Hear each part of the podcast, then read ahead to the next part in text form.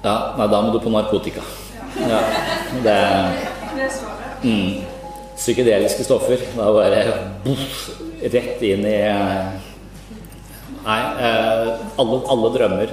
Så, hvis man lærer seg å lodde dybden i eventyr og film og mytologi, religion.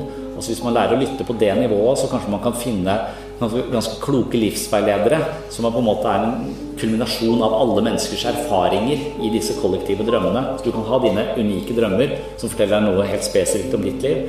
Men så kan du også ha noe fellesmenneskelig i disse kollektive drømmene som kan fortelle oss alle et eller annet.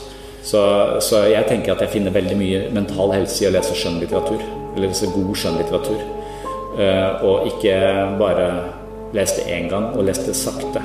Og lese over en time i strekk uten å se på, på mobiltelefonen.